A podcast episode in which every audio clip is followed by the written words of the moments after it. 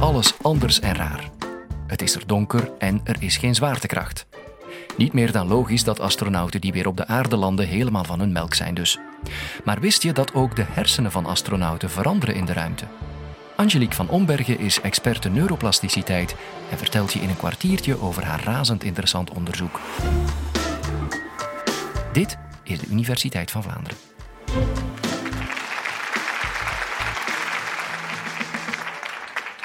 Astronauten krijgen het behoorlijk zwaar te verduren wanneer ze de ruimte ingaan. En ook wanneer ze terugkomen, hebben ze heel vaak problemen met hun evenwicht, problemen bij het stappen en voelen ze zich over het algemeen niet zo heel goed. Nu, er is al redelijk veel onderzoek gedaan naar het effect van ruimtevlucht en gewichtloosheid op het musculoskeletaal systeem van de astronauten, met andere woorden de spieren en de botten, op een immuunsysteem en ook uh, op een cardiovasculair systeem. Maar er is nog maar heel weinig geweten naar het effect van gewichtloosheid op het menselijk brein. En dat is onderzoek dat ik sinds een aantal jaar doe, samen met een heel groot team van nationale en internationale onderzoekers, eigenlijk in het kader van een grote studie voor de Europese en Russische ruimtevaartorganisaties. Nu, waarom ervaren astronauten eigenlijk zo heel veel problemen? Wel, de ruimte is eigenlijk een zeer vijandige omgeving voor het menselijk lichaam en er zijn een aantal stressoren, zoals dat genoemd wordt, of negatieve factoren die een invloed kunnen hebben op de werking van het menselijk lichaam.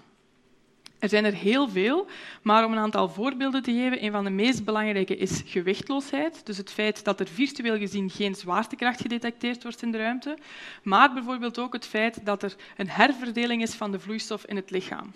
Op de aarde zal de vloeistof en het bloed gelijk verdeeld zijn over het hele lichaam, maar wanneer de zwaartekracht dus wegvalt, zal er meer bloed en meer vloeistof naar het centrale deel van het lichaam gaan en ook naar het hoofd en de hersenen.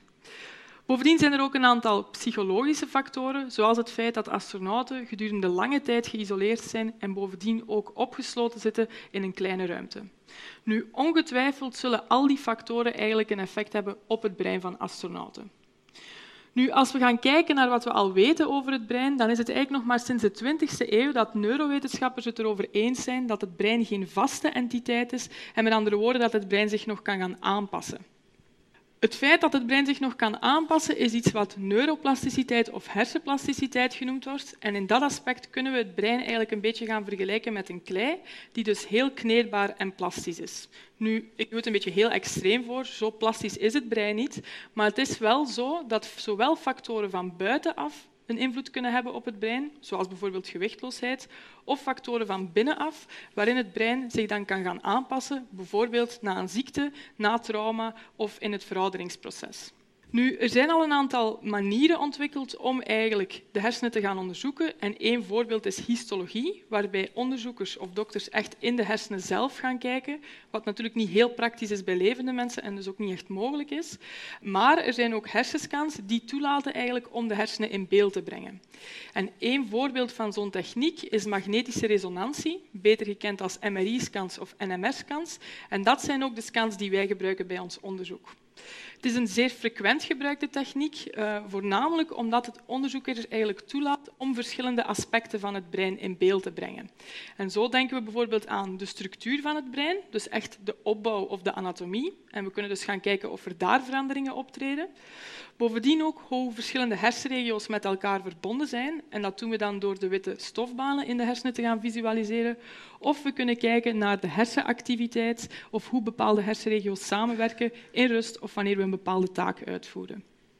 Nu, hoe verloopt ons onderzoek dan precies? Wel, zoals ik al zei, we gebruiken eigenlijk hersenscans om het brein van astronauten te gaan onderzoeken. En dat doen we door die scans uit te voeren voordat de astronauten vertrekken naar de ruimte en dan een scan wanneer ze ook opnieuw terugkomen. Nu, om sterke conclusies te kunnen trekken, willen we natuurlijk zoveel mogelijk astronauten kunnen testen. En daar wringt natuurlijk het schoentje wel een beetje, aangezien je kan inbeelden dat we niet echt heel veel astronauten kunnen testen, gewoon omdat er niet heel veel mensen de ruimte ingaan. Gelukkig zijn er uh, methodes ontwikkeld om eigenlijk onderzoek te doen naar bepaalde aspecten van ruimtevaart, zonder dat we daarbij echt de ruimte zelf in moeten gaan of zonder dat we daarbij echt astronauten moeten testen. En dit is iets wat ruimtevaartsanalogen worden genoemd. En er zijn eigenlijk verschillende voorbeelden en elk model heeft een beetje zijn eigen set van ruimtevaartsgerelateerde aspecten dat het zal gaan nabootsen. Een voorbeeld daarvan is een paraboolvlucht. Um, en dit is eigenlijk de enige manier om onderzoek te gaan doen bij mensen in gewichtloosheid. Nu, het vliegtuig ziet er zo uit en dat is niet echt heel speciaal. Het is een gewoon standaard passagiersvliegtuig dat weliswaar wel een beetje wordt omgebouwd binnenin. Er worden een aantal stoelen uitgehaald om meer ruimte te hebben voor experimenten. Maar voor de rest is eigenlijk niks speciaal aan het vliegtuig zelf, maar wel aan het vluchtprofiel dat het vliegtuig zal uitvoeren, namelijk een parabool. Dus het vliegtuig zal effectief ook deze beweging gaan uitvoeren.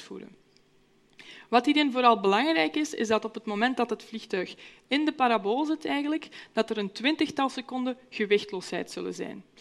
Tijdens die gewichtloosheid zal alles in het vliegtuig, dus ook de inzittenden, wanneer ze niet vastgemaakt zijn, gaan rondzweven. En het is net die 20 seconden waar wij als onderzoekers eigenlijk in geïnteresseerd zijn, aangezien een paraboolvlucht de enige methode is om dit te gaan onderzoeken bij mensen. Belangrijk detail ook is dat er tijdens één paraboolvlucht 31 van die parabolen uitgevoerd worden. Nu, er zijn een aantal voorbeelden verbonden aan een paraboolvlucht um, in vergelijking met ruimtevaart. Eerst en vooral, het is veel toegankelijker en bovendien is het ook veel goedkoper dan effectief onderzoek te doen in de ruimte. En het laat eigenlijk onderzoekers, zoals onszelf, toe om op relatief korte tijd meer proefpersonen te kunnen onderzoeken. En dat hebben we dus ook gedaan. We hebben een team van 30 proefkonijnen, uh, waaronder ook mezelf, naar Bordeaux in Frankrijk gestuurd om eigenlijk deel te nemen aan die campagnes van de paraboolvluchten. Tijdens de vlucht zelf moesten we niet echt heel veel doen, dus mochten we voornamelijk rondzweven. Dus het was een heel leuke en unieke ervaring. Maar we waren daar natuurlijk ook om uh, wetenschap te doen. En dat deden we in de vorm van hersenscans, ook zoals bij de astronauten, voor en na de paraboolvlucht. Door voor en na een scan te nemen, kunnen we eigenlijk de vergelijking maken en kunnen we zien of er veranderingen in het brein optreden.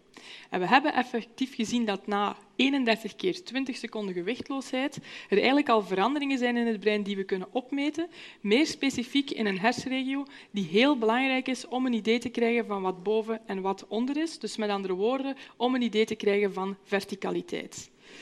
Nu, het is natuurlijk ook interessant om dat dan te gaan onderzoeken bij astronauten, die natuurlijk veel langer blootgesteld worden aan gewichtloosheid en bovendien ook nog aan een aantal andere extreme factoren. En zoals ik al zei, doen we dus in parallel ook een onderzoek bij Europese astronauten en Russische cosmonauten. Dat onderzoek loopt nu ongeveer een viertal jaar en we hebben nu data van tien cosmonauten en enkele astronauten. En we zien ook daar dat we de eerste inzichten beginnen krijgen in wat er effectief gebeurt met het brein. We zien voornamelijk structurele veranderingen. En met structurele veranderingen bedoelen we echt veranderingen in de opbouw van het brein, in de anatomie. En als we het heel specifiek willen zeggen, zien we veranderingen in het volume in de grijze stof.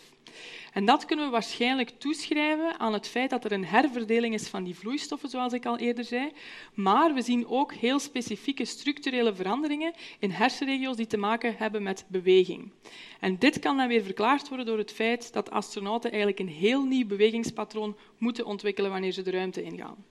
Bijvoorbeeld hier, als ik hier sta, werken mijn spieren eigenlijk continu in tegen de zwaartekracht. En bovendien, als ik mij wil voortbewegen of als ik wil rondbewegen, dan zal mijn postuur voornamelijk verticaal georiënteerd zijn en zal ik voornamelijk mijn onderste ledematen, dus mijn voeten, gebruiken om dat te doen. Nu, wanneer astronauten de ruimte ingaan, is er geen zwaartekracht waartegen de spieren moeten inwerken. En bovendien is het ook zo dat een postuur eigenlijk veel meer neutraal is en zal vaak ook horizontaal zijn, omdat ze natuurlijk kunnen rondzweven in het internationaal ruimtevaartstation. En bovendien zullen ze nog amper hun voeten gaan gebruiken om te gaan rondbewegen, maar voornamelijk hun handen, door zich bijvoorbeeld te gaan afduwen op bepaalde oppervlakten. Naast die structurele veranderingen zien we ook functionele veranderingen in het brein. En met functionele veranderingen bedoelen we dan effectief veranderingen in hoe het brein zal gaan werken. En dat zien we voornamelijk in hersenregio's die betrokken zijn bij het verwerken van prikkels die komen van ons evenwichtssysteem. Nu, we hebben twee evenwichtssystemen die gelegen zijn in ons binnenoor. En we kunnen het evenwichtssysteem, of althans een deeltje daarvan, eigenlijk zien als onze natuurlijke zwaartekrachtdetector. Nu, wanneer er dus voor lange tijd geen zwaartekracht gedetecteerd wordt, zoals het geval is bij astronauten, ehm, dan zal dit hele systeem eigenlijk een beetje ontregeld geraken en zal dit er dus ook voor zorgen dat we dit kunnen opmeten in veranderingen in het brein die normaal die prikkels gaan verwerken. Nu, je kan je afvragen waarom is dat eigenlijk belangrijk om dat te onderzoeken, aangezien er, zoals ik al eerder zei, niet heel veel mensen de ruimte ingaan. Wel, er zijn eigenlijk verschillende redenen voor. Eerst en vooral, en dat is de meest voor de hand liggende reden, is het eigenlijk belangrijk om dit te onderzoeken voor de gezondheid van astronauten. Niet alleen wanneer ze de ruimte ingaan, maar ook wanneer ze terugkomen op aarde en zich opnieuw moeten aanpassen aan de omgeving hier. Bovendien is het ook heel belangrijk om de toekomstige ruimtemissies, langdurige ruimtemissies, bijvoorbeeld naar Mars of naar de maan, waar we toch steeds meer en meer over horen, om die eigenlijk beter te kunnen voorbereiden. Maar we moeten natuurlijk eerst weten wat er met het brein gebeurt, voordat we astronauten beter kunnen trainen eigenlijk. Bovendien is het ook zo dat astronauten een heel uniek leermodel zijn, omdat ze zich eigenlijk geheel vrijwillig gedurende lange tijd laten blootstellen aan zeer extreme omstandigheden. Dit geeft natuurlijk interessante inzichten voor onderzoekers om te gaan kijken eigenlijk hoe het menselijk brein in staat is om zich te gaan aanpassen aan zo'n extreme omstandigheden. En bovendien kan het ook interessante inzichten geven voor bijvoorbeeld patiënten hier op aarde. En dan denk ik voornamelijk aan patiënten met evenwichtstoornissen of mensen die gedurende lange tijd immobiel zijn, dus eigenlijk weinig kunnen bewegen, zoals bijvoorbeeld een oudere populatie. En voornamelijk die twee groepen hebben eigenlijk heel veel parallellen met astronauten. Ze hebben gelijkaardige symptomen. Dus onderzoek bij astronauten kan ook voor die patiëntengroepen heel interessant zijn. Bovendien is onze studie ook de allereerste studie. Dus de resultaten die uit dit onderzoek komen zijn dus heel belangrijk voor toekomstig onderzoek. Nu, wat gebeurt er met het brein van astronauten na een ruimtevlucht? Wel, we zien zowel veranderingen in de structuur, dus echt in de opbouw van het brein, als in de functie, dus in de werking ervan. En we zien dat voornamelijk in hersenregio's die belangrijk zijn voor beweging en voor het verwerken van evenwichtsprikkels. Nu, dit onderzoek loopt verder en we zullen ook in de toekomst onderzoek naar blijven doen. En daarbij streven we er voornamelijk naar eigenlijk om meer astronauten te kunnen onderzoeken, zodat we sterkere conclusies kunnen trekken. En bovendien ook om eigenlijk ons verder en dieper in te gaan uh, op de resultaten die we momenteel al hebben. Dus dit is eigenlijk nog maar het begin.